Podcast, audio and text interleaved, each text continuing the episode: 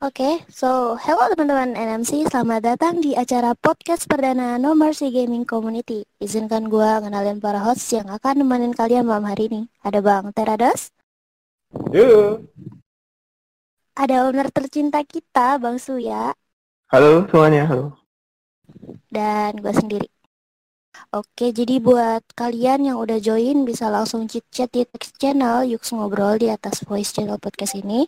Buat yang ngerasa volume botnya kegedean bisa diatur sendiri ya. Oh iya, karena ini podcast perdana server nomor gaming community, mari kita dengarkan sejenak sambutan perdana owner tercinta kita kepada Bang Azmi, dipersilakan. Oke, okay. uh, eh, selamat datang buat seluruh pendengar setia mungkin ini podcast perdana jadi akan event rutin kita. Mungkin kita siapkan materi beberapa yang seru, yang yang patut diperbincangkan oleh kita kita semuanya lah. Oh ya, btw gue mau cerita sedikit nih ini di Discord. Kita udah berdiri sejak dua tahun lalu dari 2018 kepada tanggal 19 Januari. Jadi mungkin kita bakalan adain event nanti di 19 Januari nanti tungguin aja. Pokoknya ikutin segala kegiatan yang ada di Nomersi Gaming. Dan terima kasih banget semua udah yang support dari yang veterannya juga, dari admin-adminnya semuanya yang udah membangun uh, Discord ini jadi lebih bagus lagi. Pokoknya enjoy aja apa pun kegiatan kita malam ini juga jangan lupa gue ingetin kalau misalnya suara volumenya terlalu gede agak dipelanin bisa sendiri Kemudian nanti kalau misalnya ada yang mau diceritain atau mau kirim salam atau ada mau sharing cerita tentang pengalaman serem bisa DM langsung ataupun bisa tulis di channel Yux Ngobrol. Oke, itu aja mungkin kali ya. Balik lagi ke Mita. Oke, terima kasih atas sambutannya ya Bang Azmi. Kayaknya teman-teman nomor sudah nggak sabar nih dengerin podcastnya. Langsung saja, malam ini kita mau bahas tentang apa sih Bang Ter? Nah, malam ini kita bakalan bahas tentang creepypasta. Yang pastinya pas banget lah buat nemenin malam Jumat kalian. Jadi gue ingetin buat teman-teman yang mendengarin podcast malam hari ini, jangan dengan pikiran kosong ya. Karena bisa aja, bisa aja nih terjadi hal-hal yang tidak diinginkan. Tetap fokus dan jangan kosongkan pikiran kalian. Waduh, benar banget tuh. Saat dengar kata creepypasta, pastinya terbesit dalam benak kalian adalah ya, creepypasta itu kisah mistis, kisah hmm. horor gitu. Apa sih pengertian sebenarnya tentang yang tentang kata creepypasta itu tersendiri, Bang Suya? Hmm, creepypasta ya. Creepypasta itu sebenarnya sebutan untuk cerita pendek horor ataupun serem yang biasa tuh disebarin di internet. Nah, biasanya itu di ada tuh di Reddit, macam-macam di Twitter juga ada bentuk thread atau di blognya masing-masing gitu. Itu biasanya tujuannya untuk nakut-nakuti para pembaca dan you know, Indonesia juga para penikmat cerita-cerita serem seperti itu gitu. Jadi kadang creepypasta ini jadi bahan hiburan bagi mereka. Malahan kalau kita ke bioskop, malahan itu yang uh, untuk tiket yang paling laku itu pasti acara-acara atau film-film yang bersifat horor ataupun yang semacam yang serem pastinya. Tuh. Jadi nih asal kata dari creepypasta sendiri itu asal kata itu dari kata copy pasta. Itu sebuah istilah dari internet yang biasa dipakai di slang semacam itu itu tujuannya untuk memblok teks yang bisa di copy dan di paste berulang-ulang dari sebuah website ke website lain. Itu kata asalnya. Ada juga yang nyebutin bahwa creepypasta juga berasal dari kata gabungan dari creepy yang artinya seram dan pasta itu yang artinya dengan cerita. Jadi creepypasta itu sendiri biasanya bentuknya itu dalam bentuk teks, thread dalam kalau Twitter ya kemudian ada juga teks pakai gambar, ada juga yang pakai visual dan audio dalam bentuk video gitu. Nah, biasanya nih gambar, audio, dan video itu tuh berhubungan dengan adegan-adegan berdarah, yang menyimpang, ataupun konten-konten yang kesannya itu seram. gitu.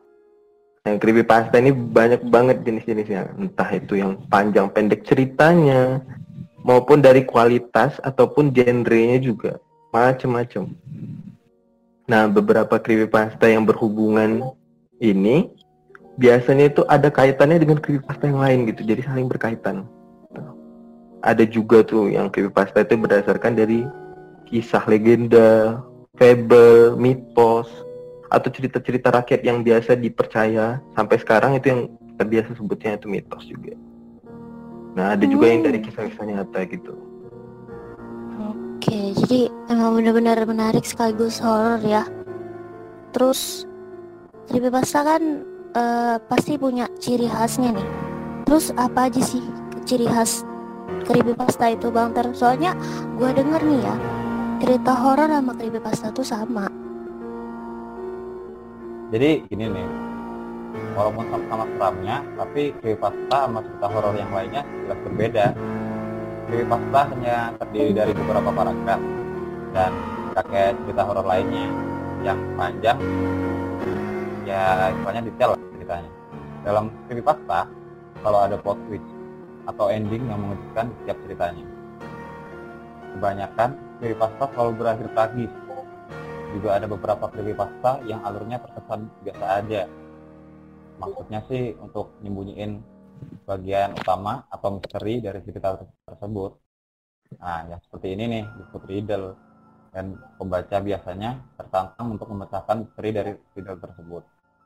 Bagian besar creepypasta juga menggunakan sudut pandang orang pertama. Ini adalah tokoh utama dari creepypasta itu.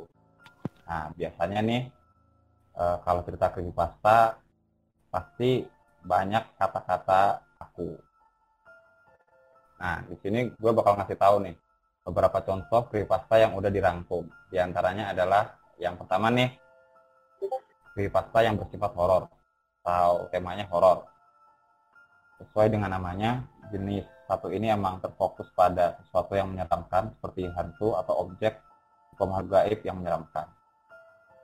Ini ada contoh kisahnya nih jadi kemarin aku sama anjingku si Terados bukan aku sendiri. Saat aku dan si Terados sedang bermain di tepian pantai aku melihat seorang wanita melambaikan tangannya ke arahku di tengah ombak besar. Lihat itu aku pun langsung melambaikan melambaikan tanganku balik ke arah si wanita tersebut. Tapi beberapa saat kemudian dia menghilang sayang sekali aku pikir dia tertarik pada ini ada contoh lagi dari Gore jenis yang satu ini lebih memfokuskan alur ceritanya atau plot twistnya pada bagian-bagian tubuh yang terpotong. Contohnya adegan ketika seorang lehernya digorok hidup-hidup atau kakinya yang putih karena terjepit. Dan masih banyak lain contohnya ini adalah salah satu contoh cerita dengan tema gol. Putriku membangunkan sekitar pukul 11.50 tadi malam. Aku dan sang istri sebelumnya telah menjemputnya dari pesta ulang tahun dan udah menidurkannya. Sebelum istriku pergi ke kamar, aku ketiduran sambil nonton TV.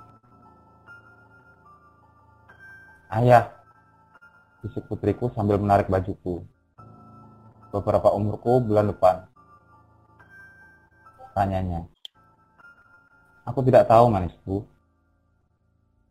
Ujarku sambil mengantuk. Berapa? Dia tersenyum dan mengacungkan empat jari. Sekarang pukul 7.30 pagi. Aku dan istri sudah menanyai putri kami selama 8 jam tapi dia tetap menolak mengatakan dari mana dia mendapatkan keempat jari manusia. Oke guys, untuk nextnya yang nomor tiga yaitu seri.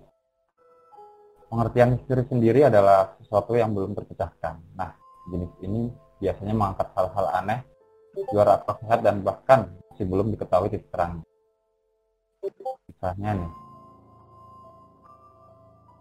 dua orang pemburu berada, berada di hutan. Saat tiba-tiba salah satu dari mereka jatuh ke tanah, ia nampak bergerak dan seperti tak bernafas. Matanya tampak menerawang. Dengan cepat, temannya menyambat handphone miliknya dan menghubungi layanan darurat. Ketika operatornya menjawab, pria itu berteriak, teman saya sudah mati. Aku harus gimana? Jawab pria itu dengan panik. Operator mencoba menenangkannya, lalu ia berkata dengan tenang. Tenang saja, saya dapat membantu. Pertama, coba kamu pastikan dulu temanmu memang mati dan benar-benar udah nggak ada hembusan nafas atau detak dari nadinya, kata operatornya. Setelah operator itu selesai berbicara, terjadi keheningan sejenak.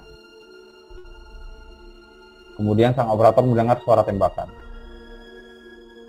Teman saya sudah benar-benar mati. Sekarang apa yang harus saya lakukan? Tanya pria tersebut. Mungkin itu beberapa contoh daripada kisah kisah fakta yang udah kita rangkum. Dan next, kita kembali ke Musa. Aduh, serem juga, sumpah. Habis dengar beberapa contohnya tadi, atmosfer ruangan gue jadi beda gitu loh, Malter. Oh, next, next tetap ya. fokus ya tetap sama kita ya tetap sama kita ya. jangan sampai pikirannya kosong tuh bagi teman-teman yang dengerin jangan lupa juga sambil mikirin sambil berzikir mungkin ingetin ini malam Jumat lumayan serem loh jadi stay tune terus tapi jangan pos kosongin pikiran kalian oke okay? ya benar banget jangan sampai ada hal-hal yang bikin kalian ya jangan fokus lah ya tetap fokus guys so nah sebelum lanjut buat teman-teman yang punya pengalaman horor atau pengen bercerita bisa langsung DM gua atau DM Bang Suya untuk mendapat mendapatkan role mikrofonnya ya. biar bisa open mic ya yuk betul dan sekali. bisa sharing-sharing juga sekalian ke teman-teman nomor yang lain uh, terus sebelum kita masuk ke inti acara kita kita jeda iklan dulu ya guys. So stay tune jangan ke mana-mana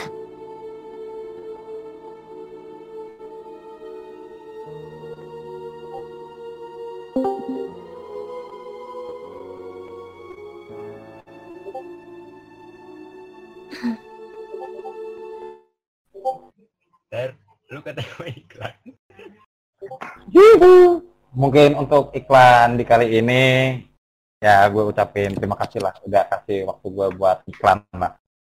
Ya mungkin dari teman-teman sekalian yang punya referensi untuk uh, peminjaman dana tunai mau gadai PKB atau gadai properti motor, nah gue bisa proses dengan cepat nih tanpa BI checking dan pencairannya bisa tinggi. Bunganya juga gede-gede amat lah.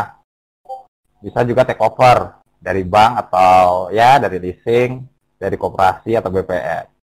Syaratnya juga fleksibel kok, nggak ribet. Nah, dan areanya tuh benar-benar luas banget. Jadi bisa lah gue cover.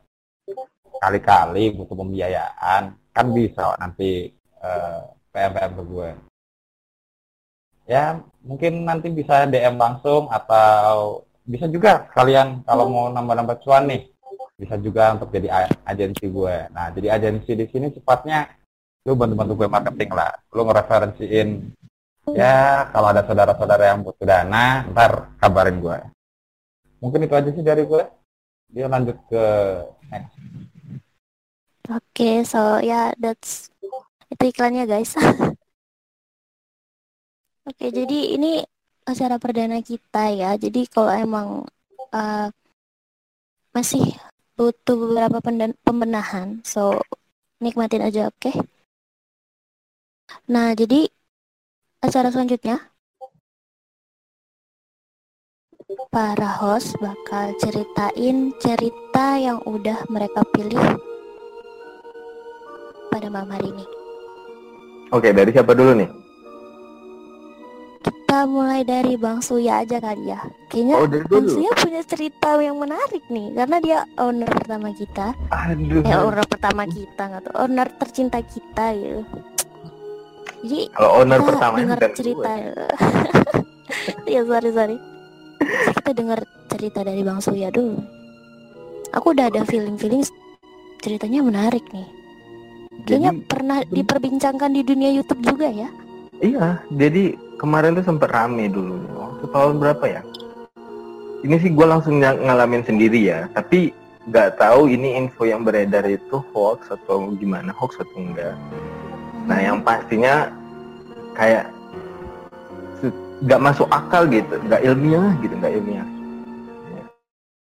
Oke, yang gitu pastinya- aja. Yang pastinya lebih serem daripada pas lu diputusin mantan lu, serem banget. Waduh, Ada. tanda tuh. atau lebih serem dari malam-malam lu yang selalu sendirian. Jadi itu dulu waktu gua masih SD, jadi sekitar tahun 2006 atau 2007 gitulah. Jadi sempat beredar itu info kab- kabar-kabar burung yang gak mengenakan banget. Jadi dulu kalian pernah dengar nggak ceritanya itu kalau misalnya ada yang namanya nomor merah, tahu nggak? Waduh. Wah. Kurang tahu. Nah nomor merah ini, jadi dulu sempat ada dengar kabar yang beredar di masyarakat kalau kalian ngangkat nomor merah ini kalian makan bakal mati di tempat. Wah, Ya, jadi nanti dia nomornya ini memang muncul warnanya itu memang warna merah gitu guys. Dan juga itu kalau misalnya itu eh, angkanya itu nggak nggak lazim digunakan orang-orang, cuman empat angka gitu. Biasanya itu cuma 0666 ataupun 0866 gitu. Jadi ketika kita misalnya ngangkat telepon ini katanya kita bisa mati kejadiannya bisa macam-macam lah. Ada yang sampai serangan jantung, ada yang bikin apa namanya kejang-kejang juga, macam-macam. Jadi eh, alasan kenapa bisa meninggal di tempat itu. Jadi pas memang setelah kita angkat teleponnya, kita memang langsung tek mati gitu. Dan kejadian dong di gua. Waktu itu malam itu, pas malam Jumat, gue dapat telepon langsung dari nomor merah ini langsung dan karena gue udah dapat info itu dari kabar masyarakat lah dari orang-orang cerita gue nggak angkat telepon itu nggak angkat nggak angkat telepon itu sama sekali karena emang yang beredar itu setelah orang setelah orang angkat telepon itu langsung kayak meninggal gitu jadi kayak ada tumbal gitu Waduh. Nah, jadi Kalau- itu tuh Jadi dulu misalnya sebenarnya serba salah sih dulu kalau ceritanya. Aha. Ceritanya itu dulu kalau misalnya kita angkat itu kita memang jadi tumbal. Kalau kita nggak angkat itu darah kita disedot sampai habis. what Di the dukun. Di dukun sama nomor merah. Dan ini sempat rame sampai tahun 2008. Masih ada juga. Waduh Percaya atau nggak percaya ya. Tapi memang kejadian dan memang di HP nyokap gua kemarin itu nomornya itu warna merah gitu. Dan Hmm, nomornya nggak lazim cuma empat nomor juga. tapi itu maksudnya nggak apa-apa kan sehat-sehat aja kan Sehat-sehat aja makanya gue berani bilang itu hoax. waduh Tapi sebenarnya udah pernah ada kejadian nggak sih, Sui? Kalau ada yang benar-benar ya meninggal lah gara-gara itu. Ada om. Kebetulan tetangga gue tuh kemarin. Dan memang ceritanya itu kayak ada yang telepon, nggak tahu lah nomornya nomor siapa. Dia angkat telepon langsung meninggal. Kayaknya serangan jantung. Tetangga gue pas. Jadi mau percaya juga gimana mau nggak percaya juga gimana gitu Ya tapi yang pesannya sih sebenarnya kalau ada nomor asing telepon tuh sebenarnya nggak boleh diangkat kan? iya Yes. sih benar banget Apalagi kan sekarang udah ada WA tuh, kan bisa dicek dulu, misal ada DP-nya atau enggak atau ini. Tapi kalau posisi masih sekitar tahun 2008 kan belum ada WhatsApp. Iya, Serem kan tiba-tiba dapat telepon gitu. Padahal ya kalau kita tahu dapat telepon kan minimal biasanya kabar kan, dapat kabar dari teman atau apa. Tapi kalau posisinya kayak gitu serem juga ya sih. Mhm. Ya kita eh, hidup eh, menggunakan telepon genggam ini hati-hati aja lah ya gitu. Jangan sampai menyalahgunakan ataupun ya kayak gitu. Atau ada nomor-nomor gak dikenal tuh blokir aja gitu. Oke, oke. Oke. Udah nih Bang Suya. Udah mungkin itu aja sih kar- karena hoaxnya itu memang masih belum tahu gue tuh sebenarnya kenapa bisa warnanya merah itu alasannya itu apa? Ah, tahu. Berarti jadi masih misteri ya. Iya teman-teman mungkin ada yang tahu gitu kan. Hmm, buat teman-teman yang tahu bisa tuh. Ntar langsung DM aja nanti kita open mic-nya. Oke, kalau gitu next aja deh langsung. Bang Ter. Penasaran ya sama ceritanya Bang Ter? Waduh, gue nggak terlalu banyak kisah horor sih. Mungkin ini gue asal comot dari beberapa teman gue yang kemarin ngasih cerita lah. Ini ceritanya tentang permainan ini loh, petak umpet. Ah, itu legend banget sih. Waktu kecil kita juga pasti pernah main itu. Nah, pasti ya nggak mungkin lah kalau nggak pernah main itu pasti masa kecil Anda kurang bahagia. Nah, jadi ya namanya juga petak umpet kan ya udah kayak biasanya lah. Tapi satu dari teman-teman lo ini pasti kan ntar ada nyariin tuh, nah, nyari-nyari teman yang lain. Giliran ini sudah udah pada kabur, lo pada sembunyi sendiri-sendiri dan satu teman ini nyari ke mana-mana. Nah, untuk menghindari kecurangan, pemain yang sedang bersembunyi harus menepuk kedua tangannya hingga menghasilkan sebuah suara. Jadi ya biar nggak sembunyi itu kejauhan banget. Takutnya ntar sembunyi ini lu sembunyinya sampai luar kabupaten kan nggak lucu kan? Nah, tiap dia bergerak atau diam dalam jangka waktu 2 menit, itu harus istilahnya tepuk tangan lah. Tapi cuman dua kali aja, jangan banyak-banyak. Nah, semakin sering Anda bergerak, maka Anda harus semakin sering menepuk kedua tangan Anda. Jadi, semakin lo ya kabur lo semakin kencang, berarti lo harus sering tepuk tepukin tangan lo. Dan ntar yang nyariin bakal nyariin teman-temannya tadi dan nangkep ini teman-teman lo yang kabur dengan indera pendengaran. Nah, Ah, kalau gimana tuh sih menurut lo? Mainan kan Merinding. banyak. merinding dong. Aduh pas pula lagi malam Jumat ya kan merinding jadinya. Aku Ini sebenarnya apa ya, emang banyak banget sih tradisi dari petakupan itu sendiri gitu. Masing-masing daerah punya tradisinya masing-masing dan punya cerita legendanya masing-masing. kan rata-rata banyak tuh misalnya main petak umpet pas mau jam-jam maghrib ya kan terus ada yang hilang terus balik-balik Nah, bener. Besoknya nah tapi Dan- di sini ada nih sejarah bener-bener Aha. fakta fakta sejarah daripada petak umpet ini sendiri. Tapi kalau di umumnya nih di luar itu dinamain plat-plat plat-plat itu sendiri diambil dari suara yang dihasilkan saat anda menepuk kedua tangan anda. Namun permainan ini diambil dari dongeng yang terkenal. Kabarnya dulu ada seorang wanita buta yang tinggal di sebuah gubuk yang nggak mungkin buat ditinggalin lah. Dan lu pada nggak mungkin lah mau tidur di tempat yang ibaratnya udah nggak ya lu tidur digigitin nyamuk terus ditemenin serangga-serangga yang kayak kecoa terbang terus ada ntar lu tiba-tiba dipencelokin sama lintah kan nggak lucu kalau lu tidur di tempat itu banyak Hmm. banget yang mengatakan si wanita buta ini itu adalah seorang penculik yang bi- biasa ber- beraksi untuk menangkap anak-anak kecil yang tidak patuh kepada orang tuanya. Tuh sama banget tuh kayak mitos-mitos di Indonesia ini kan katanya kalau main pas apa ya istilahnya kalau di gue di Jawa sendiri itu namanya samar bulu. Ini mau maghrib gitu lu main petak umpet, wah bakal keculik sama wewe gombeng. Waduh. Itu sih emang memang seharusnya begitu. Kalau misalnya kita udah waktu maghrib emang nggak boleh keluar rumah. Kecuali bagi yang menjalankan ibadah sholat maghrib di Nah, musola atau masjid terdekat. Itu dia nggak jangan boleh jadi penikmat senja ya guys. Ya, iya. Ternyata ada apa-apa Senjanya- lagi. Kan senjanya sekarang tuh boleh. katanya anak indie gitu. Senjanya boleh, tapi mungkin agak lebih nampak lagi lah mataharinya itu kan jam waktu maghrib itu emang itu pernah gue denger emang mitos-mitos di Jepang itu emang kalau misalnya waktu maghrib waktu, bukan mereka bilangnya bukan waktu maghrib ya waktu senja itu adalah waktu paling gelap di dunia karena itu pergantian antara matahari dan bulan gitu lah. Dan katanya nih ya Bang Suya, uh, ini yang bilang guru gua sih. Kalau maghrib itu portal antara dunia gaib dan dunia kita itu lagi kebuka.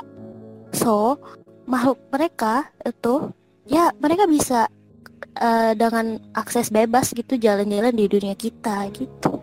Nah itu gue Tuh aku ceritainnya sambil merinding nih.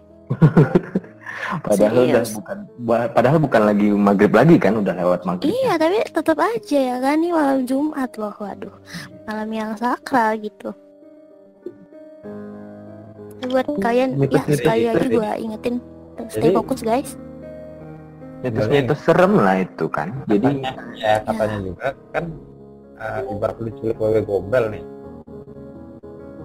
tapi di sisi luar negeri si wanita tua ini bakal nyiksa lu pada kalau lu ambil ketangkap karena baginya suara jeritan tangisan dari seorang anak dapat menenangkan dirinya. Wah psikopat banget kan itu?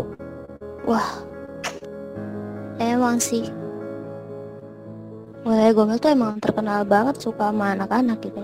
Dan gue ada cerita uh, waktu gue gue kan sempat mondok nih satu tahun nah jadi pas di asrama uh, gurunya uh, anaknya pengasuh gue tuh kan cewek masih kecil belum sekolah TK waktu itu.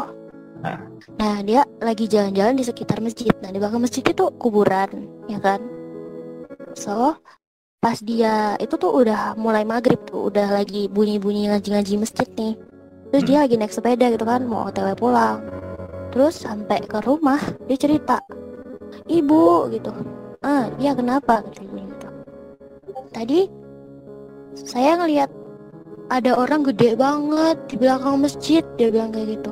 Langsung dibaca-bacain nama ibunya langsung dikasih kayak doa-doa gitu biar dia aman sumpah. Ini aku merinding cerita ini dia ngelihat uh, gombel di belakang musola itu.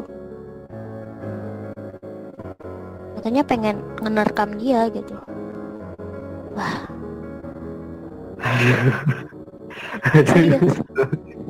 seru karena kan anak kecil nggak mungkin bohong kan dan emang mereka masih bisa ngelihat yang hal-hal kayak gitu gitu iya malahan memang yang hal-hal yang begitu memang menunjukkan dirinya ke mereka. Mm -hmm. lagi ya anak kecil kan masih polos gitu ada cerita-cerita yang kalau misalnya masalah kerasukan itu emang serem banget sih emang kayak kita ya. percaya nggak percaya ini apa alter ego kah atau apa kan tapi ternyata memang mereka benar-benar dirasukin itu ya. kayak yang sekarang kan nggak tahu masih ada nggak ya di TV gue udah lama nggak nonton TV kemarin kan sempat jadi pembicaraan tuh yang ibu-ibu yang ngusir setan itu loh apa ya namanya? Oh iya. Ya kan? Nah orang itu Jawa Barat, kan? orang Jawa Barat ya. Cara ngusirnya dia tuh emang nyentrik, makanya dia bisa masuk ke TV, masuk ke siaran TV gitu. Nah, itu bener. Ini cerita nampi namanya. Ya emang. Kita memang... Cerita cerita Indonesia ini banyak banget emang. Iya. Makanya kalau, yang gini-gini laku di Indonesia lah. Asli baktis uh, yang bisa yang kelihatan banget almarhum ibu gue kan sering kayak gitu-gitu. Jadi asal gue tempat asal gue memang kota yang cenderung bisa dibilang KKN desa penyanyi eh salah penari. Wah, nah, KKN desa pena, penari kan. Nah gue asal dari Banyuwangi dan kayak uh, apa ya? Kejadian-kejadian kayak gitu tuh udah benar-benar udah familiar banget lah buat gue termasuk buat mendiang ibu gue. Hmm. jadi saat itu gue pas liburan kuliah dan gue pulang ternyata ibu gue positif. Gue nggak tahu kalau makan ibu gue itu sebenarnya sakit apa. Soalnya kalau kalian tahu mungkin kesan nggak logis. Dan suara ibu gue tuh benar-benar berubah menjadi sosok yang aneh lah. Ibaratnya tuh suara uh, cewek dengan suara cowok yang benar-benar kayak kita suaranya putus kan gede banget tuh bassnya hmm. Oh. jadi benar-benar udah kayak gak kenal gue gak kenal adik gue gak kenal bapak gue kalau diajak ngomong juga udah kayak bukan ini uh, dia benar-benar kayak mau menuntut, menuntut balas lah istilahnya gue nggak tahu itu uh, sebenarnya kalau logika gue sih nggak mungkin lah ibu gue ngomong itu dia ngomong sama ngomong kasar segala macam apalagi ke anak-anak. Karena tahu sendirilah banyak uh, banyak sendiri uh, warung-warung saingan gitu kan banyak tuh yang santet segala macam pelet. Nah nggak tahu ya memang apes nggak gue nggak tahu apes atau gimana nya emang mendiang ibu gue sering banget kena kayak gitu dan kejadian-kejadian gitu tuh udah benar-benar masuk akal banget terlebih setelah di sore harinya ibu gue tiba-tiba kerasukan dengan suara cowok yang gede di malam hari tiba-tiba ada kelelawar masuk rumah. Gue apa ya gue sebenarnya takut ta takut juga enggak tapi kalau dibilang ini kelelawar dengan ukuran ya satu hampir semeter setengah meter lah ibaratnya. Tiba-tiba masuk nah, dan yang kalau biasanya kan kelelawar cuma cari atap doang kan cuma cari plafon gitu. Nah ini seolah-olah kelelawar itu nyerang bukan bukan cari plafon lagi. Dia, dia udah nggak mau nempel lah ke dinding-dinding. Tapi benar-benar nyerang gue dan keluarga gue waktu itu. Terlebih sasaran utamanya ibu gue ketika gue ambil sapu gue tabok kena. Gue ijek kan nah gue kasih ini uh, dulu masih ada minyak buat nyalain api itu gas kan? Gue kasih minyak gas. Udah gue bakar. Nah jeleknya ininya uh, jelek efek sampingnya. Di keesokan hari salah satu tetangga gue ada yang uh, meninggal dunia dengan posisi tubuh terbakar ya mungkin kalau dari kalian kalian yang pernah lah istri kayak gitu-gitu juga ya mungkin bisa dijadiin pengalaman. Karena emang itu benar-benar nyata dan gue nggak tahu itu hoax atau apa kebetulan. Tapi yang jelas emang tetangga gue yang mati itu benar-benar posisi terbakar sama kayak kelelawar yang gue bakar Aduh, emang cerita urban legendnya Indonesia tuh lumayan bikin bulu kuduk merinding juga gitu. Apalagi yang dengan apa Indonesia kan terkenal dengan santet menyantetnya gitu. Hmm. Indonesia ya, tahu lah. Mhm. Cerita cerita satu sekolah kerasukan itu emang udah hal yang lumrah. Itu juga aku pernah ngalamin sih dan aku sendiri yang nanganin gitu. Itu satu sekolah beneran. Ya. Beneran satu sekolah dan Oke, jadi aku boleh cerita nih ya. Ah, aja. oh Ceritanya. monggo monggo Nah, jadi eh, itu eh, tepat pada saat gua kelas 9 SMP. Jadi sekolah gua eh, nggak sih, tepatnya di daerah gua. Itu emang dulu terkenal tempat pembantaian Belanda. Nah, jadi pada saat itu ada perkemahan. Jadi perkemahan Sabtu Minggu bersami Hmm. Eh, dan aku kan nggak ikut karena aku nggak dibolehin sama mama karena emang aku sendiri punya fisik yang lemah bukan lemah dalam artian nggak kuat upacara atau apa jadi lemah akan hal-hal itu gitu. Oh, di gam kalau kata orang itu lemahnya yang karena gampang ya, gampangnya mah, gampang. Iya kalau di Kalimantan bilang tuh lemah bulu gitu. Oh, ah. Heeh. nah jadi gak diizinin sama mama karena emang eh sebuah sekeluarga kan orang sana. Jadi udah tahu cerita-cerita yang gimana gimana daerah sini gimana daerah sono gimana gitu.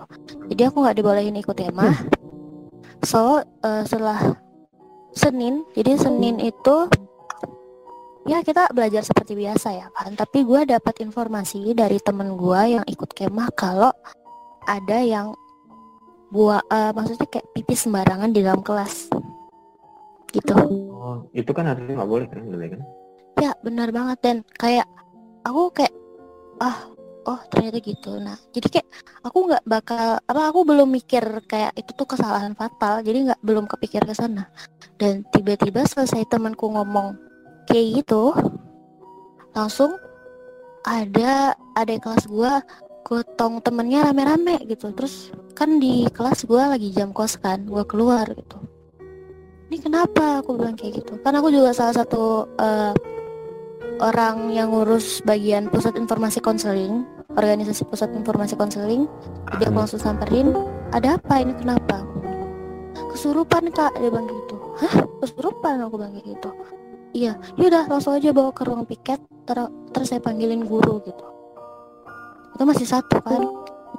Terus kayak guru-guru di sana tuh kayak udah biarin aja biarin aja gitu. Ntar juga balik sendiri langsung dalam hati gue kok gitu sih? gitu terus nggak lama kayak ya udah itu kan berusaha dibiarin aja. Hmm. dilihat reaksinya gimana kalau emang ngamuk-ngamuk baru bener-bener diurus gitu. Jadi kayak dijagain aja dulu dia masih kayak diem melongo-melongo gitu doang kan. Hmm. terus nggak lama langsung dua dua korban lagi gitu. Dua orang lagi kesurupan langsung wow. dibawa lagi. Kayak kak ini kesurupan lagi gitu. Serius? Iya terus aku minta bantuin sama temanku yang punya indera keenam. Terus dia buka buka mata batinnya dan dia bilang emang benar kesurupan. Portalnya kebuka mif dia bilang kayak gitu. Karena emang di sekolah aku tuh bagian portalnya ada di bagian laboratorium. Portal antara dunia gaib sama sekolah gua itu ada di laboratorium. Nah pas kejadian kemarin yang karena pipis sembarangan itu mereka ngamuk. Mereka nggak suka karena kotor ya kan? Siapa sih yang nggak suka kotor gitu? Mereka aja nggak suka gitu. Jadi mereka marah. So yang awalnya mereka diem-diem aja di posisi mereka misalnya kayak mereka ada di belakang kelas ada yang di parkiran ada yang di WC gitu. Yang awalnya mereka di situ-situ aja jadi merembet ke mana-mana. Jadi kayak nyari masa yang bisa mereka masukin gitu. Mereka pengen protes mereka pengen ngomong. Dan ada satu yang ngamuk jadi kayak terus aku tanganin. Awalnya dia ditanya sama temenku yang punya indra keenam dia nggak mau ngomong. Terus aku coba salam aku coba omongin baik-baik dan akhirnya dia mau ngomong. Terus aku tanya ini yang di sini siapa? Aku gitu. Aku yang ada di WC dia bilang gitu. Kenapa? Sampean kenapa tak gituin? Aku nggak suka. Rumahku kotor dia bilang kayak gitu. Wow. kotor kenapa tak gituin? So ada yang itu ada yang buang kotoran sembarangan. Saya nggak suka. Terus nggak lama setelah itu langsung jelek hilang hilang terus nggak lama datang lagi yang lain.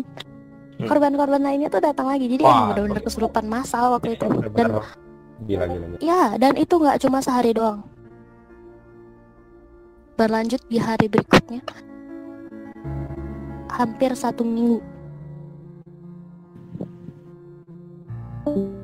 Dan itu benar-benar oh, katanya antrian kayak gimana tuh kayak antrian juga sih. Jadi memang yang penunggu yang di situ tuh kayak ngasih peringatan terus menerus iya gitu. ngasih peringatan iya. dan hmm. jangan sampai terulang lagi gitu dan waktu itu juga sampai penunggunya UKS itu yang paling legend maksudnya yang uh, ya ibaratnya paling tua lah di sekolah aku penjaga paling tua dia itu nenek tapi sebenarnya dia itu putri cantik cantik banget oh. tapi sosok lainnya dia itu so, uh, dia nenek terus dah sumpah kok dibilang ngeri ya ngeri sih serius.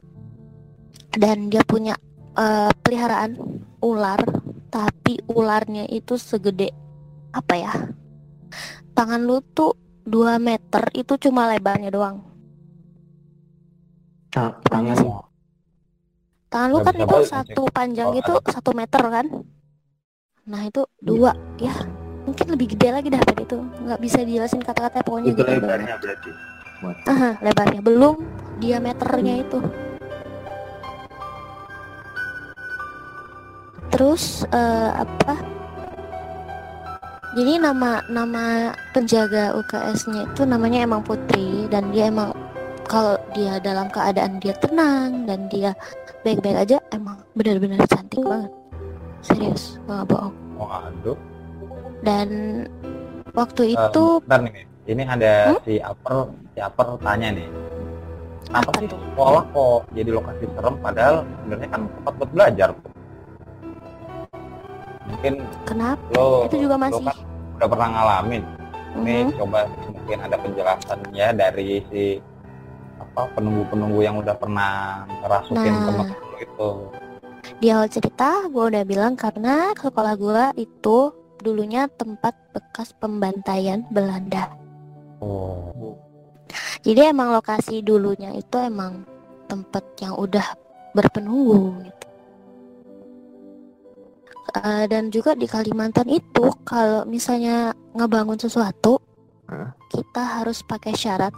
Jadi ada syaratnya kayak misalnya nyembelih kambing atau nyembelih sapi, nyembelih kerbau dan itu harus. Kalau nggak pakai yang kayak gitu pasti mereka bakal minta tumbal. Pasti. Begitu berarti yang kabar ibu kota pindah ke Kalimantan gitu juga dong. Berapa kali nanti ya waktu ibu kota Kalimantan?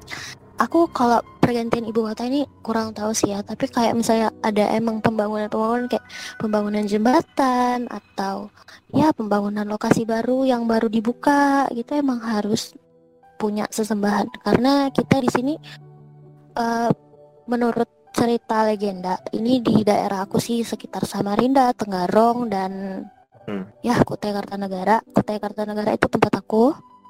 Nah jadi kan kita punya namanya kerajaan dulu ya kan kerajaan Ya, Kutai kutai kutai ya yang paling Aha. yang paling tua bukan sih?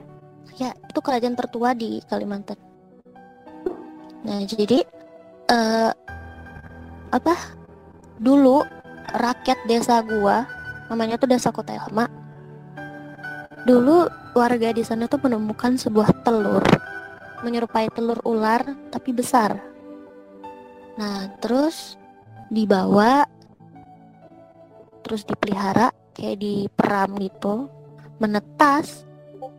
Awalnya kayak ulat ulat tapi lama kelamaan makin besar besar besar dan berubah menjadi naga. Oh. ya jadi eh, buat kalian yang anak IPS atau mungkin pernah dengar namanya Sungai Mahakam. Nah Oh, jadi sepanjangan Sungai Mahakam itu ada naga. Ada seekor naga di sana. Itu itu kan mitos tapi ya. Atau memang Iya kayak itu cerita legenda? mitos. Itu mitos dan legenda eh, di Kalimantan sini. Hmm. Sekitarannya Tenggarong, Samarinda. Terus ya sekitaran situ lah. Pokoknya yang daerah Sungai Mahakam itu sepanjangan itu naga. Terus kalau di desa gua itu bagian kalau nggak ekor kepala itu yang kelihatannya gitu. itu kalau emang lu benar-benar bisa ngelihat tapi nggak nggak semua orang yang Ah. punya indera keenam bisa ngelihat naga itu Jadi cuman beberapa bagiannya doang gitu yang bisa dilihat. ya? ya jadi sepanjangan sungai Mahakam itu terbagi jadi di daerah gua itu kalau nggak ekor kepala ya terus di bagian berarti. Hah? Karena saking besarnya berarti kita cuma lihat beberapa. Iya saking besarnya jadi bagiannya tuh terbagi-bagi di sepanjangan sungai Mahakam gitu jadi misalnya di daerah sini yang kelihatan badannya terus daerah sini yang kelihatan bagian eh pinggir kanannya gitu misal gitu Waduh.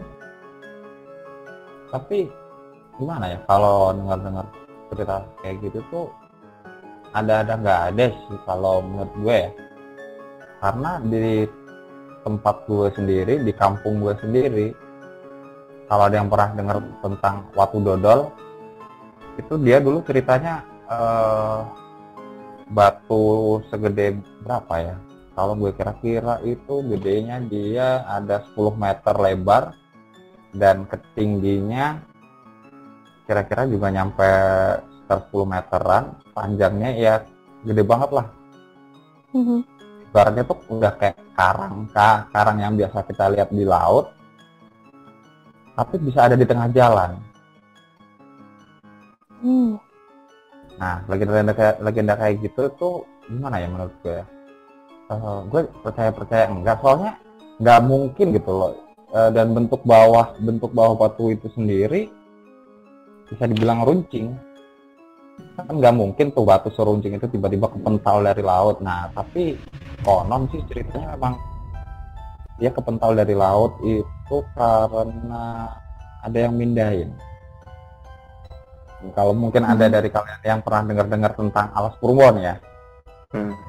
nah itu kan legend banget tuh. Banyak yang bilang kalau bertapa di situ bisa sakti segala macam nah waktu dodol itu adalah gerbang antara dunia manusia dan dunia gaib. Jadi lu masuk ke situ ntar bisa nyampe ke Aspurwo. Kalau lewat tengahnya. Padahal kalau logika lu lewat tengahnya situ pasti nabrak. Dan memang sering banget di tempat gue tuh terjadi kecelakaan di daerah situ. Jadi macam-macam banget. Dari tadi emang kita ceritanya kaki gue yang bikin nyalah dari. Karena emang kalau daerah gue sendiri tuh eh, untuk ke bagian yang maksudnya ke adat-adat goib itu masih berjalan, masih berjalan. Dan tiap tahunnya pun ada adat acara adat yang harus dilaksanakan. Dan itu pun harus berdasarkan izin raja Tai tersendiri. Karena kan di daerah gua itu ada makam raja beserta putra mahkotanya dan eh, Habib Habaib yang mengislamkan raja. Hmm. Ya jadi masih kental banget di daerah gua. Wah ini dengar-dengar si, Ap, si, Ap, si Aper ngomong nih. Ceritain dong? Bang Sui, pas jalan-jalan ini si Aper bilang. Ceritain dong Bang Sui, pas lu jalan-jalan ke musim tsunami, wah ada Wah, apanya sebenarnya di Ada musim apa tsunami nih itu? di musim tsunami Bang Suya? Jadi gue kan sebenarnya kan aslinya orang Medan nih kan. Hmm. Lahir di Medan, besar di Medan. Nah, orangnya bukan orang Medan, orang Padang. Jadi itu gue sempat kuliah tuh berapa empat tahun itu di Banda Aceh. Ya you know lah, gua Banda Aceh itu di 2004, 24 Desember 2004 itu kan ada memang bencana besar itu tsunami kan. Nah emang Ini kalau memang misalnya yang kita apa Iya, karena jadi musibah itu ngeri sih. Iya, jadi kan itu memang desas-desusnya banyak juga cerita-cerita cerita-cerita orang sana itu ada-ada aja. Ada yang bilang memang karena ilmiahnya ada geseran lempeng di bumi gitulah makanya Nek. memang begitulah pula tsunami Hmm. kan. Ada juga yang bilang yang bikin konspirasi itu kalau misalnya ada yang nyerang Banda Aceh gitu, ada yang ngirim bom ke Banda Aceh jadi naik airnya ke situ setelah Hmm. meledak. Hmm, dari lautnya itu naik ke Banda Aceh. Ada juga yang cerita memang karena itu peringatan dari leluhur-leluhur yang ada di sana gitu. Jadi memang itu gue dengar-dengar cerita-cerita di warung kopi gitulah. Jadi dia, eh, mereka tuh pada bilang kalau misalnya dulunya memang orang Banda Aceh ini kayak eh, ada banyak buat maksiat semacam semacamnya lah. Walaupun Oh. kita tahu kan memang Iya. kalau di Banda Aceh itu memang strict masalah agama gitu. Sebelum tsunami aja memang masih strict itu loh kalau misalnya kita itu kalau ke mana-mana itu harus eh, berjilbab walaupun bukan non muslim, walaupun bukan non muslim, walaupun non muslim gitu. Oke. Hmm. Hmm. Jadi itu ada satu tempat yang dijadiin eh, museum peringatan bencana itu 24 Desember 2004. Itu salah satu arsiteknya itu si Ridwan Kamil. Sama ada beberapa orang Belanda dan juga orang Jerman di situ bangun museum tsunami itu dan mitosnya itu emang sempat jadi rame jadi pembicaraan seperti yang kayak masjid yang di tol Bandung itu loh, yang kayak Illuminati gitulah katanya kan. Nah, Mhm. ini juga eh, bentuk bangunannya itu kalau kita lihat dari atas itu itu membentuk muara satu gitu. Padahal kalau kita lihat dari bawah itu sebenarnya bentuknya itu kapal. Nah, Hmm. jadi memang gedung museum ini kayak kita dibuat seakan-akan kita mengalami tsunami itu sendiri gitu. Kita kayak di dalam, kita nggak tahu berbuat apa. Kita misalnya kayak kita kena bencana itu, kita ada di bencana itu, kita nggak tahu berbuat apa. itu yang kita rasain selama kita masuk ke dalam museum tsunami itu Wah. jadi kayak ada yang Gila. tergulung di ombak jadi kita kayak ngerasain feel-nya itu sendiri walaupun kita sebenarnya nggak perlu pakai nggak perlu pakai apa namanya yang untuk VR gitu semacam VR nggak perlu kita masuk ke situ kayak kita ngerasain ya Allah banyak kali dosaku sama ini gitu. Langsung tersadar gitu ya. iya. Jadi memang di situ ditempelin semua eh, nama-nama yang menjadi korban di sana. Sampai Hmm. ditunjukin juga foto-fotonya. Selama itu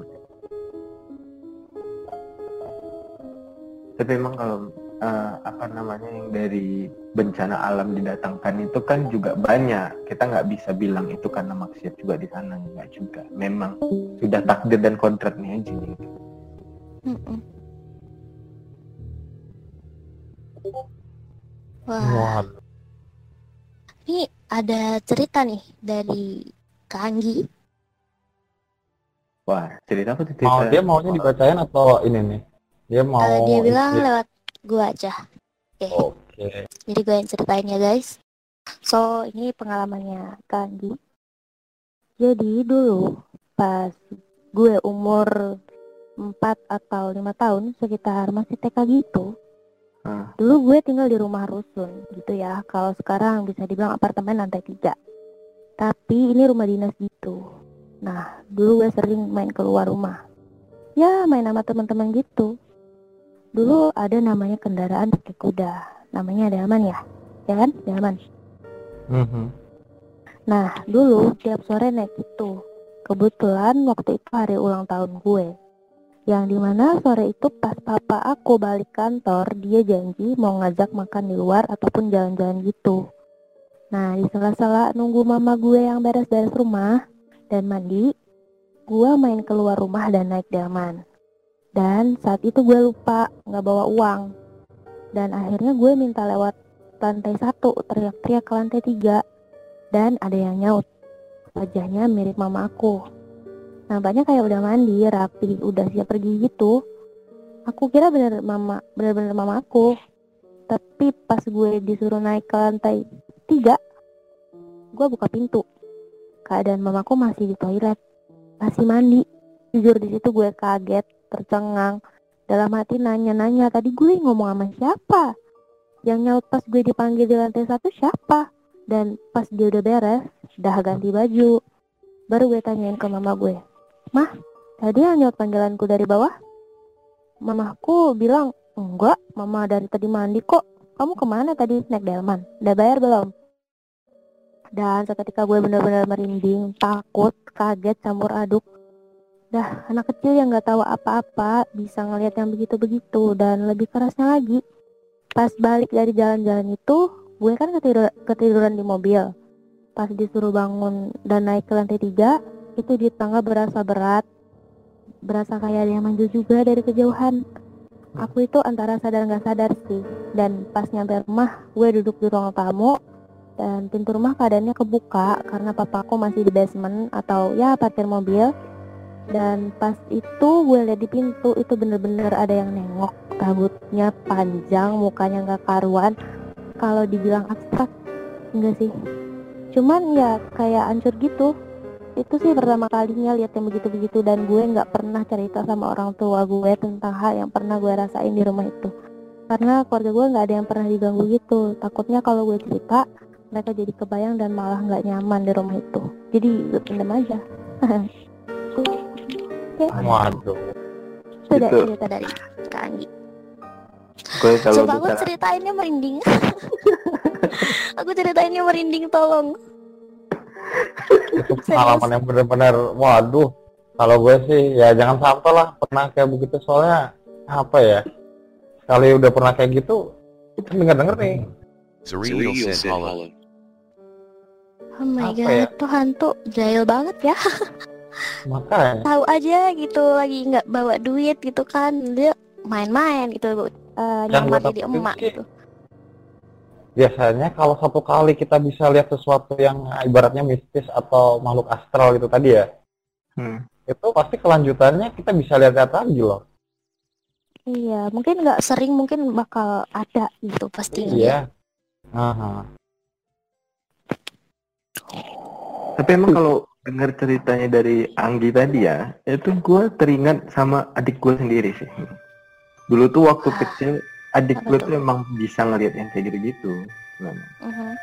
Jadi mungkin Anggi mungkin ada kemampuan juga kali ya, gue nggak juga nggak tahu. Jadi itu dulu sebenarnya adik gue tuh bisa ngeliat kayak gitu, bisa berinteraksi langsung. Dan gue masih ingat banget waktu masih kecil banget itu. Waktu itu pas lagi main-main, lagi main-main bareng, tiba-tiba adik gue dada-dada gitu. Ke arah siapa nggak tahu, gue juga, gue yang ngeliat aja, lah ini ngarah-ngarah ke siapa gitu. Dada-dada ke siapa gitu, adik gue gitu kan. Gue tanyain, adik ngapain tadi di situ? Itu ada kawan adik di situ sendirian dia katanya. Sendirian? Yang mana sendirian? Itu dia ada pakai ada pakai kain putih gitu katanya. Waduh. Waduh. Gue kan belum tahu itu kejadian. Gue kan belum tahu masih kecil banget itu nggak tahu itu yang namanya pocong tuh kayak gitu tuh nggak tahu gitu. Jadi dia sampai dada-dada gitu. Sini manggil kemari sini sini. Jadi manggil siapa? Itu teman adik kasihan dia sendiri mau ngajak main katanya. Langsung gue ceritain ke nyokap gue itu. Dan emang bener dia memang kayak punya kemampuan bisa ngeliat begitu lah. Hmm. Wah. Tapi jadi semenjak saat itu tuh dia memang ada sakit gitu, ada sakit, Mhm, pasti, pasti. demam gitu ya, demam macam-macam sakitnya. Setiap tiga tahun sekali itu eh, sampai masuk rumah sakit itu. Ya apa ya mereka eh, gimana eh, secara nggak langsung mereka nerima energi dari em, yang ini si putih-putih itu. Se- secara tidak langsung dia nerima energi dan badan eh, badan dia yang otomatis masih polos nggak kuat gitu. Jadi ya Hmm. bisa jatuh sakit terus ya semacamnya lah. Iya, tapi Dan ada yang bilang tuh energi kita keserap sama mereka gitu. Ah, itu bisa jadi sih. Tapi kalau misalnya kayak mereka takut juga, sebenarnya di gua tuh waktu itu nggak takut juga, nggak takut takut banget dia di situ. Hmm. Emang fun-fun aja, senang-senang aja gitu. Tapi malamnya langsung sakit gitu lah. Mau Mungkin bukan-. Mungkin gua nggak bisa ada- bil- ada bilang indra keenam kali ya. Memang bukan indra keenam mungkin kali ya. Ah. Gua bilang. Mhm. Mata batin. Kata orang- si, kata- kata orang. mau tanya nih. Hmm, Si? Lutfi heran dia. Kenapa sih kok kita ngiranya indra keenam tuh kelebihan? Padahal sebenarnya kan eh kalau gue pernah lihat film, gue lupa judulnya apa, yang jelas film Indo. Hmm. Orang yang bisa ngelihat masa depan, orang yang bisa ngelihat ya semacam makhluk-makhluk kayak gitu tuh biasanya malah susah berinteraksi sama orang, ya kan? Terus Nggak semua jatuh tapi nggak semua. Enggak semua. Nah, ibaratnya tuh dia takut kadang menjalin pertemanan yang benar-benar lekat lah. Ah Soalnya ya jadi karena Gimana tuh? Eh, jadi eh, ini berdasarkan temen aku yang punya eh, indra keenam ya. Jadi Hmm. kenapa mereka agak menjauhi normis eh, kita yang orang normal? Hmm. You? Karena mereka nggak mau suatu saat karena sudah terlalu dekat sama manusia yang normal ini. Nah, orang yang berada di sekitar dia malah ngeganggu teman kita ini dan malah mancing-mancing. Kan kita manusia sebenarnya punya semuanya punya ma- mata batin. Cuma Hmm. masalah kebuka atau ketutup. Nah, jadi karena mungkin bisa memancing mata batinnya dia, jadi karena kepancing, kepancing, kepancing karena kebawa dari dirinya dia juga sebagai orang yang bisa berinteraksi gitu kan, dan dia udah deket gitu. Jadi yang otomatis teman-teman sekitarnya di kayak siapa nih, siapa nih gitu. Pasti kan kayak pengen kenalan juga gitu mereka. Nah, otomatis bisa yang teman kita nih kena dan takutnya karena dia yang dari lahir orang biasa gitu nggak bisa lihat-lihat yang begitu tiba-tiba ngeliat kan takutnya dia jadi stres dan nggak bisa nahan itu dan dia bisa jadi you know lah gila ataupun mungkin yang lebih buruknya meninggal gitu Hmm. gitu Masa juga nih ngomongin yang indra keenam terus apa yang bisa lihat makhluk-makhluk kayak gitu tanpa sengaja nih. Gue juga Iya. sebenarnya posisi sekarang ini jendela kamar gue ini kan mengarah keluar. Benar-benar udah lihat apa ya samping samping kos ini ada pohon-pohon pisang ya ibaratnya eh, hutan kecil-kecilan lah kebun kecil-kecilan. Gue takut tiba-tiba nongol aja ntar. Nah, itu benar-benar sesuatu yang nggak gue harapin sih soalnya emang rata-rata kalau kita tinggal di kos nih ya Hmm. banyak yang bilang pasti ada aja yang nungguin Nah, ini ada cerita dari Erika nih. Dan selanjutnya ada cerita dari Bang Arifir ya. Ya nggak sih Bang Suya? Iya. Per jadi kan mau cerita? Oke, jadi gue bacain ceritanya si Erika dulu nih. Iya. Oke, jadi ini cerita ini sih cerita udah lama sih. Pas aku masih kecil. Aku baru pindah ke rumah aku dan itu baru selesai di ngajiin gitu. Nah, aku masih punya boneka yang bisa ngomong gitu, kayak boneka dulu. Pas aku tidur oke bonekanya sih ini Susan Susan Ah ya, Tuhan. Ya mungkin atau eh, yang ditarik terus mereka ngomong gitu. Hahaha. Gitu kali ya. Erika bisa jelasin di yuk ngobrol ya. Nah, pas aku tidur am- sama mama aku, setiap malam pintu kamar itu selalu diketuk-ketuk keras banget. Nggak kayak biasa gitu. Pas mamaku buka pintu, bonek pas mamaku buka pintu, boneka aku ada di depan pintu. Padahal aku udah taruh di meja. Pas mamaku taruh lagi ke meja, beberapa jam kemudian ngetok-ngetok lagi. Dan bonekanya bunyi. Padahal nggak aku pencet dan mulai dari situ boneka bonekanya mama aku bakar. Itu dalam keadaan mama aku lagi hamil adik aku. Nah pas selesai dibakar perut mamaku langsung sakit. Dibawalah sama kakek aku ke bidan pas nggak ada papaku karena lagi kerja. Pas dilihat bayinya udah nggak ada di dalam perut. Mama aku omaku iya sorry. Jadi bayinya udah nggak ada di dalam perut mamaku om aku yang Waduh. kayak punya indera keenam gitu lalu dilihat lah. Ternyata boneka itu udah punya nyawa dan ad- udah ada arwahnya. Dan dari situ aku sekeluarga terus berdoa dan alhamdulillah sekarang udah nggak diganggu lagi. Aduh cukup serem banget Hmm, Baru mau gue tanya tadi. Ya serius. Baru mau gue tanya tadi itu eh adiknya berarti masih di situ atau enggak? Ternyata udah didoain gitu ya. Alhamdulillah. Oh alhamdulillah ya alhamdulillah ya Rika Sumpah aja aku aku speechless dan Gue ya, percaya juga sih emang ya, bisa nggak? Kejadian kayak gitu juga Ya. ternyata ya. udah nggak ada ya udah nggak ada. Oke. Berarti udah baik-baik aja kan ya sekarang ya. Jadi kayak keguguran tapi nggak keluar. Oh ya jadi ini eh, mungkin di Indonesia udah banyak kasusnya. Mungkin ya bisa dari santet menyantet. Ya terus kayak gini juga nih bisa kejadian. Ya makanya kayak apa ya kita perempuan gitu kan. Ya mungkin perempuan-perempuan yang di sini ntar kalau udah berkeluarga udah ya udah hamil lah ya istilahnya. Jangan sekali-kali melanggar apa pun yang dilarang sama perkataan orang tua gitu. Jadi kayak orang-orang kata-kata orang zaman dulu itu jangan dilanggar. Meskipun kita percaya nggak percaya kita lakuin aja. Karena kejadian nih kejadian sama keluarga gua. Kasusnya sama sama Erika tapi dia bukan karena boneka tapi karena diganggu sama makhluk halus jadi bayinya Hmm. diambil sama makhluk halus gitu waduh Hmm.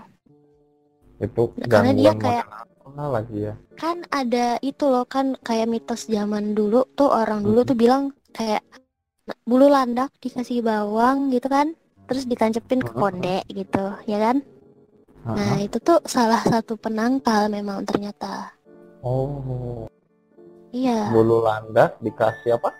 Bawang. Kan bulu landak bawang, tuh kan bawang tajam merah ya. Heeh, kan Ah. dia tusuk sama bawang merah terus ditancepin di konde gitu. Kalau kita ikat rambut gitu kan ditusukin di kondenya.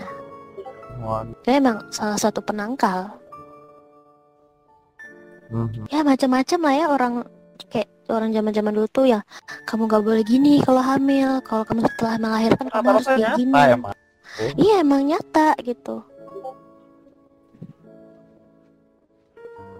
Waduh, nah jangan kalau sampai gitu boleh deh langsung Pelan nih. lanjut ke ceritanya Arifer, Japer ya Lydia. Gue buka nih mic ya. bisa tes tes jaringannya dulu kali ya ntar open Iya. mic coba relock aja dulu Dan selanjutnya ada cerita lagi dari Kak Anggi lagi nih. Banyak banget kayaknya dia punya Iya, cerita kayak- horor. Dia kayaknya dipenuhi punya itu ya, dia. dipenuhi itu ya. Heeh. Nah, jadi Udah per, sebenarnya udah dibuka tuh per. Anak-anak server kita nih banyak yang punya cerita gitu. Mungkin kita bakal lanjut ke podcast next creepypasta yang kedua kali ya. Wah, wajib tuh. Tes tes. Kita bikin seri kedua. Wah, oke mas. Oke, masuk Halo. masuk. Ya halo. Eh, mohon Ya. kalau misalnya suaranya terlalu besar mohon disesuaikan. Iya. Nah, oke. Oke. Oh iya, jadi mau cerita tentang apa nih? Eh, sebenarnya sih gue banyak versi ya. Di antaranya kan tadi yang gak gue sebutin itu udah di antara satu tuh ada cerita dari teman SMP gua yang keluarganya tuh mewarisi mata batin dari leluhurnya. Dengan ada Hmm. cerita Musa mulanya itu ada juga. Itu salah satunya. Yang kedua ini cerita dari banyak orang sih. Termasuk dari ibu gua yang setelah pasca tsunami kan pergi ke Banda Aceh melihat hal-hal yang terjadi di sana. Itu mungkin lebih daripada horornya lebih melihat ke gimana kita beradaptasi setelah bencana Eh, terakhir ada juga Oke. cerita masa SMP gua di sekolah yang gue sebutin nama tadi ini horor sehoror horornya udah fix jadi Oke, jadi gue berikan kepada host lah mungkin yang mana bisa gue ceritain kalau ceritain eh, semua jadi kan gimana nih? terlalu Ini Ya. aja salah satu aja yang mungkin cerita yang Sukma itu aja kali ya per ya. Atau teman-teman Oke. NNC mau vote di Yuk Ngobrol boleh tuh. Mau yang ke satu, kedua, atau yang ketiga. boleh boleh juga Oke, kita kasih waktu beberapa menit ya. Dua menit deh.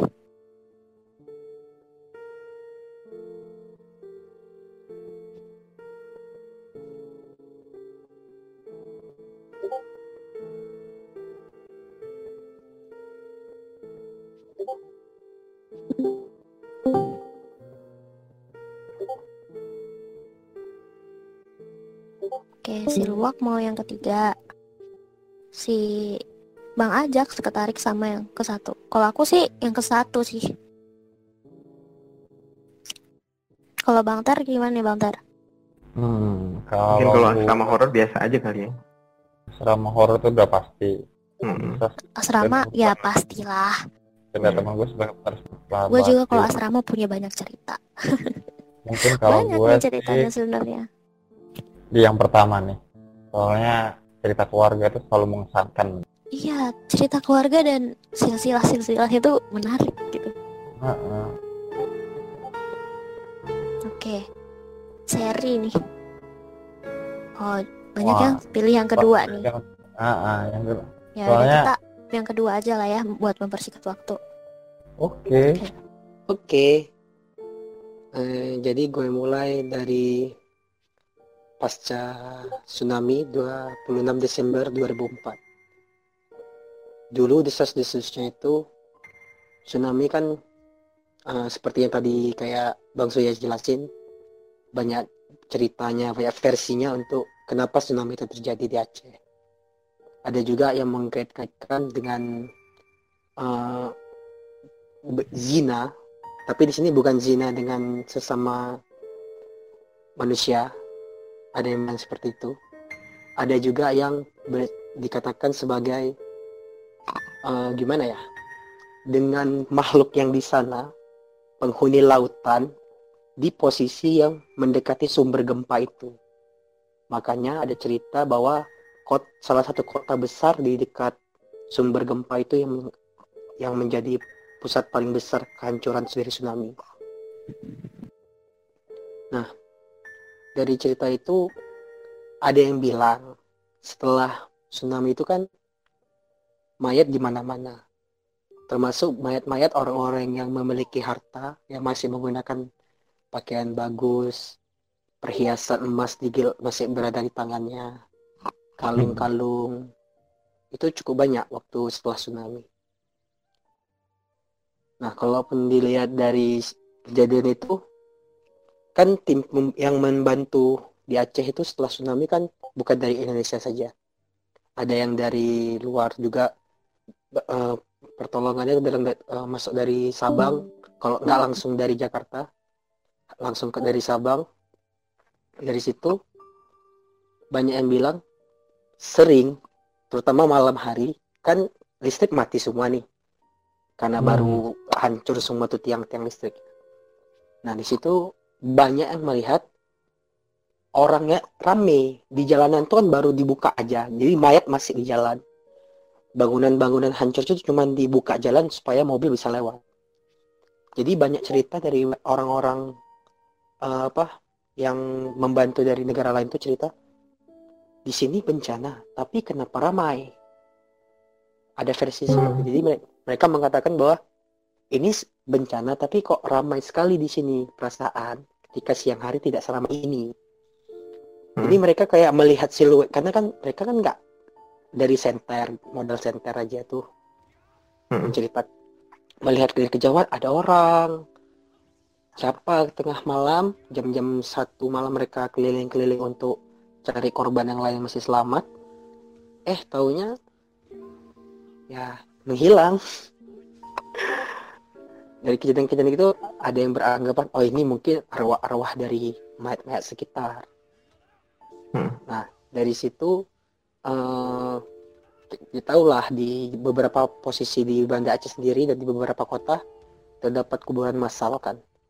Karena Hmm, dari mayat-mayat orang yang eh, tidak teridentifikasi siapa orangnya Oh, dari keluarga yang siapa eh, jadi diku- dikumpulkan di satu wilayah atau di beberapa tempat tertentu. Nah itu di tempat itu juga kadang sering eh, bukan cuma ini bukan seperti pemakaman. Pemakamannya nggak ada nisan karena cuman wilayah kosong yang ditumpuk eh, mayatnya ditumpuk-tumpuk sehingga mem- mencukupi gitu. Nah dari situ ada yang pernah bercerita kayak gini. Aku pernah dengar dapat cerita dari orang yang tinggal dekat situ di situ kadang eh, apa ada kayak ada acara di sekitaran situ seperti ada kayak em, selain maulid apa sih setelah eh, Isra Mi'raj. Isra atau. Maulid di, di waktu-waktu mendekati itu Hmm. di wilayah itu seperti ada eh, acara besar tapi biasanya kan di Aceh ini kalau acara besar keagamaan itu di masjid setempat nah Iya, ini iya. di wilayah pemakaman itu mungkin kau pernah cerita, dengar juga kan bang kalau Hmm. misalnya di situ ada acaranya di tengah pemakaman jadi kayak rame tapi nggak nggak ada suara berisi cuma nampak ber- ra- seakan-akan ramai Oh, berarti orang nggak memang kita nampak gitu. ada yang siapa bilang ada yang nampak? ada yang bilang ada yang nampak ada yang bilang merasakan kok kampung kita rame rame tiba-tiba nih Hmm. Nah, di waktu-waktu acara eh, mendekati hari-hari yang kita peringati lah biasanya di Aceh kan. perayaan Islam ya. Hmm. Ya. Dan di posisi eh, biasanya di kuburan massal itu. Mungkin kalau dari teman-teman yang mau ke Aceh dari jalur darat bisa dari eh, katakanlah dari pesawat ke Banda Aceh. Setelah Hmm. turun di bandara ingin ke wilayah pusat kota, ada kuburan massal yang akan kalian jumpai di sebelah kiri. Nah, di tempat itu biasanya di seberangnya itu ada sebuah masjid yang biasa digunakan untuk eh, acara-acara besar diadakan. Oh. Nah, masjid itu pasti kok akan ramai kalau acara besar. Tapi ketika tidak ada kegiatan di masjid itu, bagaimana bisa wilayah kampung sekitarnya itu terasa ramai gitu. Gitu. Bisa- memang bisa. padahal dekat daerah bandara itu emang sepi kali itu memang Pak. Ah, iya, kan cuman di sana ramainya kan cuman waktu eh, lagi ada acara kan di masjid itu pun yang cuma ramai.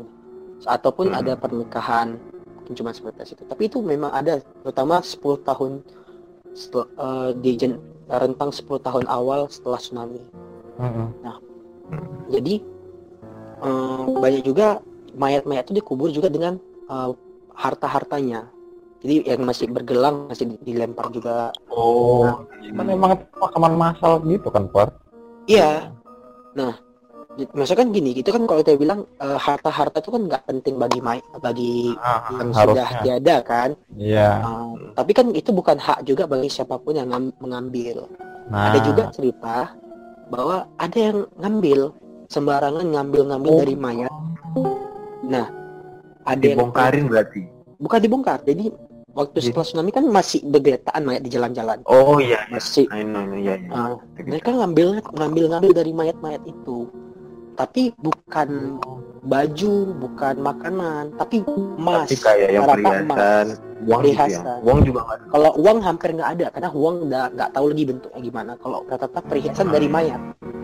Diambil disimpan. Sedangkan emas itu kalau dalam di Aceh sendiri sebagai log eh, gimana ya bukti paling sah untuk ditinggalkan keluarga. Nah bukan. Oh iya. bukti yang ditinggalkan Kayak ini harta warisan. harta warisan paling paling paling mungkin diberikan.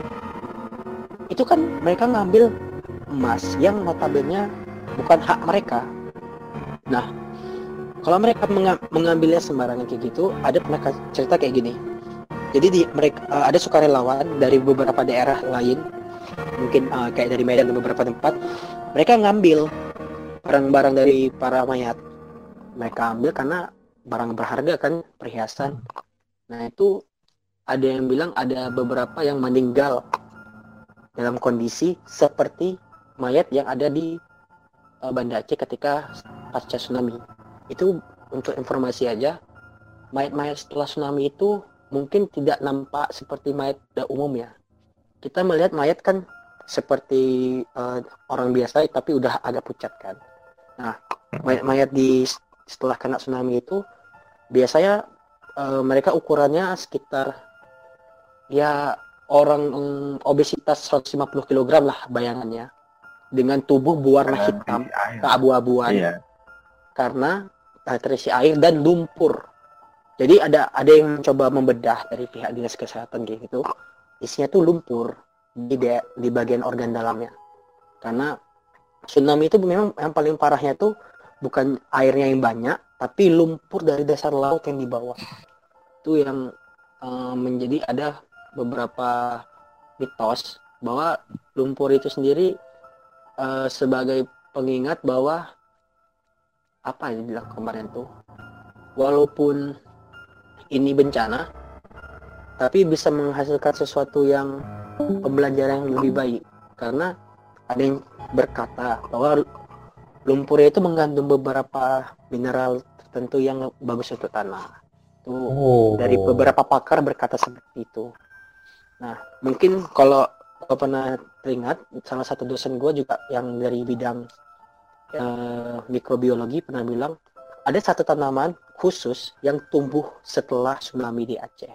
Tapi aku nggak tahu sih nama tanaman itu apa. Bang mungkin kau tahu bang Pasti, tanamannya? guys. Yang pasti guys bukan ganja guys. Bukan. Nggak, Karena emang kalau-.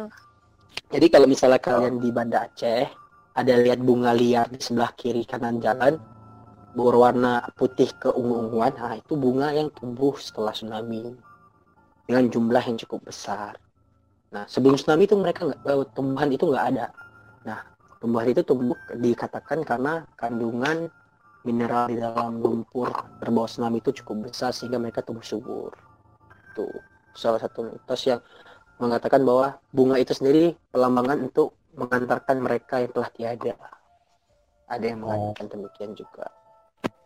Lalu balik lagi itu dengan cerita yang ada orang-orang dari wilayah lain yang coba ngambil apa harta eh, kepemilikan dari mayat-mayat itu kan.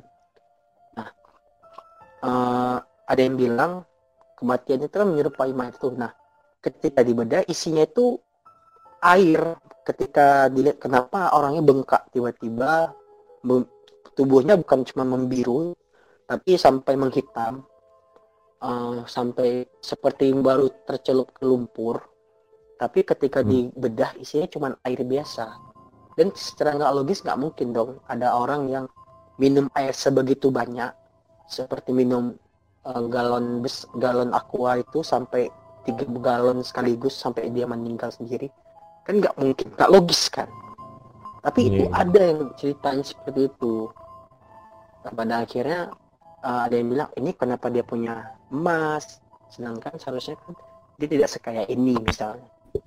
Ada yang bilang oh dia kan baru dari Banda Aceh mungkin dia ngambil dari mayat-mayat mungkin ini karma ada yang bilang demikian nah itu beberapa Ya, cerita saya sih emang kalau kalau cerita-cerita habis bencana itu kalau yang ada kematian massal, ada kesurupan massal itu cerita mistisnya itu pasti bakal berkembang terus. Nanti ada kayak opini-opini masyarakat. Ya banyak ba- Nah, jadi ya. muncul berbagai macam versi gitu ya.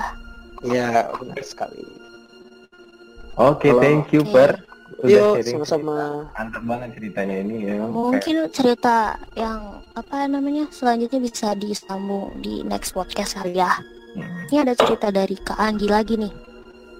Mungkin ini bakal jadi yang last ya untuk eh, yang teman-teman yang mau kirim-kirim cerita masih boleh dan tapi ini kayaknya menjadi yang last karena kita udah nemenin kalian satu setengah jam nih. Wah Hmm. cukup lama juga nih. Mungkin untuk episode 1 ya, Pak. Mungkin ada episode 2-nya nanti. Wah, Iya, ada cerita ada. apa? bakal diceritain di Creepypasta No Mercy yang episode 2 Hmm. Oke Jo, so kita lanjut aja nih ya ke cerita Kak Anggi nih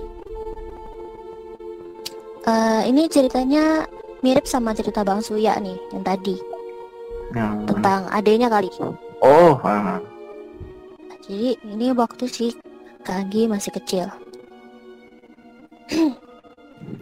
Dulu gue sering main sendiri, ngobrol sendiri Mama papaku tahu Dan mereka nganggapnya ya biasalah namanya anak kecil Hmm. Tapi jujur gue dari dari gue sendiri ini ben, ini gue beneran main sama anak kecil. Di sana ada satu mbak-mbak, ya mungkin si rambut panjang yang tadi nongol di pintu di cerita Kang yang pertama. Tapi gue di sini nggak takut. Karena gue ngerasa ditemenin sama mereka. Cuma ya gue kesel. Ini anak kecilnya suka apa ya acak-acak mainan gue yang udah diberesin mama gue. Dan akhirnya mama gue yang marahin gue. Padahal kan gue nggak ngapa-ngapain. Jadi ya mungkin dibilang jahil sih iya. Kadang gue dimarahin. Atau enggak gue temenin nih anak kecil. Dia pergi sendiri. Dan kalau mbak rambut panjang atau sering gue sebut Miss K. Ini gue pernah ngobrol sama dia jujur. Gue tanya lu dari mana sih? Ngapain ke sini ngapain ngagetin gue waktu itu? Dia kayak ngasih petunjuk gitu belakang apart apartemen ada pohon gede. Dan itu ditebang karena ganggu. Ya ganggunya dia nampakin diri ke orang-orang yang ada di apartemen. Dan setelah pohonnya ditebang malah dia ganggu gue di apart Ji, gue pernah tuh satu minggu hirauin keberadaan dia. Ya jadi kalau dia nampakin diri gitu gue udah biasa gue di- diemin. Ya mungkin akhirnya dia ngikut orang nggak tahu ke mana dan ya udah hilang itu gitu aja. Beda lagi sama anak kecil yang sering main sama gue dan itu dibawa ama yang punya rumah di lantai satu.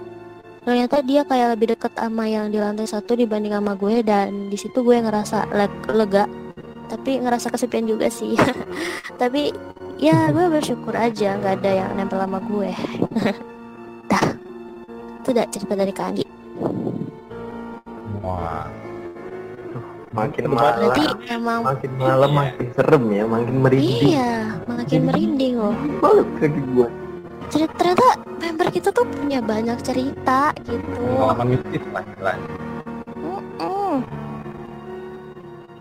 Wah, itu aduh. buat eh, pasangan pa- para pasangan ini pasangan yang punya cerita mistis nih. Ya harus lebih aware lah. Mhm. jadi kan eh, segala mungkin kejadian kan bisa aja ulang atau mungkin ya tanpa sengaja semua yang kita ceritain di sini itu suatu saat terjadi. Tapi ya jangan sampai lah ya namanya juga ini doang ya sebenarnya cerita horor tapi siapa tahu kalau memang ada nyatanya who knows Oke, jadi buat teman-teman, ah, ya ampun nggak kerasa banget nih kita udah nemenin kalian satu setengah jam loh. Wah, tapi udah kayak mau berakhir aja tuh udah kayak berat banget loh. Masih banyak loh cerita-cerita dari teman-teman ternyata. Oke, kalau gitu kita akhirnya sampai di sini aja kali ya. Kita lanjut di Creepypasta episode 2. Sebelum kita tutup nih, ada yang mau disampaikan nggak pada abang-abang host yang menemani gua kan sih? sebenarnya banyak banget. Uh, kayak si Renka sendiri sebenarnya punya cerita tapi kayaknya bakal kita simpan dan bakal kita expose di episode selanjutnya episode pasta yang kedua waduh Bang saya ada yang mau disampaikan gak nih sebelum ditutup? Hmm, malam ini seru banget kita bisa ngobrol, kita bisa cerita tentang hal-hal yang seru, pasta lah pastinya kan. Kita bisa iya. sharing ada kejadian-kejadian apa sih sebenarnya yang kita alamin gitu kan. Seru banget. Sampai ada yang malah ini uh, ada yang pengen cerita lagi kan, ada yang punya nah. cerita yang iya, lebih banyak lagi, banget nih. Tapi, Dari kalian sendiri kayaknya punya banyak pengalaman dia nih. Tapi sayangnya emang kita cuman waktunya satu setengah jam gitu kan. Iya. Gak disangka juga sih sebenarnya responnya bisa sebagus ini kan. Iya karena ini perdana dan pertama kalinya gitu kita iya. nggak expert premier lah seperti ini premier, gitu premier loh. Makanya ya, jangan lupa bener -bener. buat semuanya ya. ajak teman-temannya untuk ikutan join seru-seruan juga. Mungkin kalau yang ketinggalan mungkin akan kita siapin kontennya nanti. Nanti tungguin aja linknya deh. Pokoknya Waduh, nanti ini ada spesial yang spesial nih. Iya ada yang spesial pastinya yang cerita horor ini mungkin akan kita buatin episode 2 nih ya karena mungkin banyak request cerita ataupun ada yang mau sharing juga ya. Jadi stay tune aja. Tungguin. Mm-hmm. Kalau misalnya ada cerita-cerita seru lainnya bisa langsung DM ke kita-kita nih ke ke Phoenix itu juga bisa, ke gue juga bisa atau ke admin admin yang lain. Ini iya. Sampai. Kalau Banter ada yang mau disampaikan? Mungkin itu aja dari gue dan tetap stay tune di Nomersi Gaming tuh. Oke, jadi ya guys, sorry banget karena kita cuma bisa nemenin kalian satu setengah jam dan ini udah cukup lama banget. Tapi tenang aja, bakal ada creepypasta episode kedua. Jadi buat kalian yang mau sharing atau mau cerita, ya tetap bisa kontak-kontak admin lah ya. Yoi, ya. Mm -hmm. So ya, uh, ya kita tutup deh. Sumpah berat banget. Oke okay, guys see you next time guys semuanya. Terima kasih udah buat yang mampir ya malam ini. Jangan lupa keep support di channel. Kalau ada teman buat referensi masuk sini bisa dibagiin invite linknya join join ke sini ngobrol-ngobrol di mari ntar masih banyak podcast podcast dan bahan yang lain termasuk uh, kita biasanya beberapa acara untuk mungkin ya cerita-citaan segala macam Oke, so ya uh, mungkin bakal ada tema baru di podcast kita yang lain. So dinantikan aja.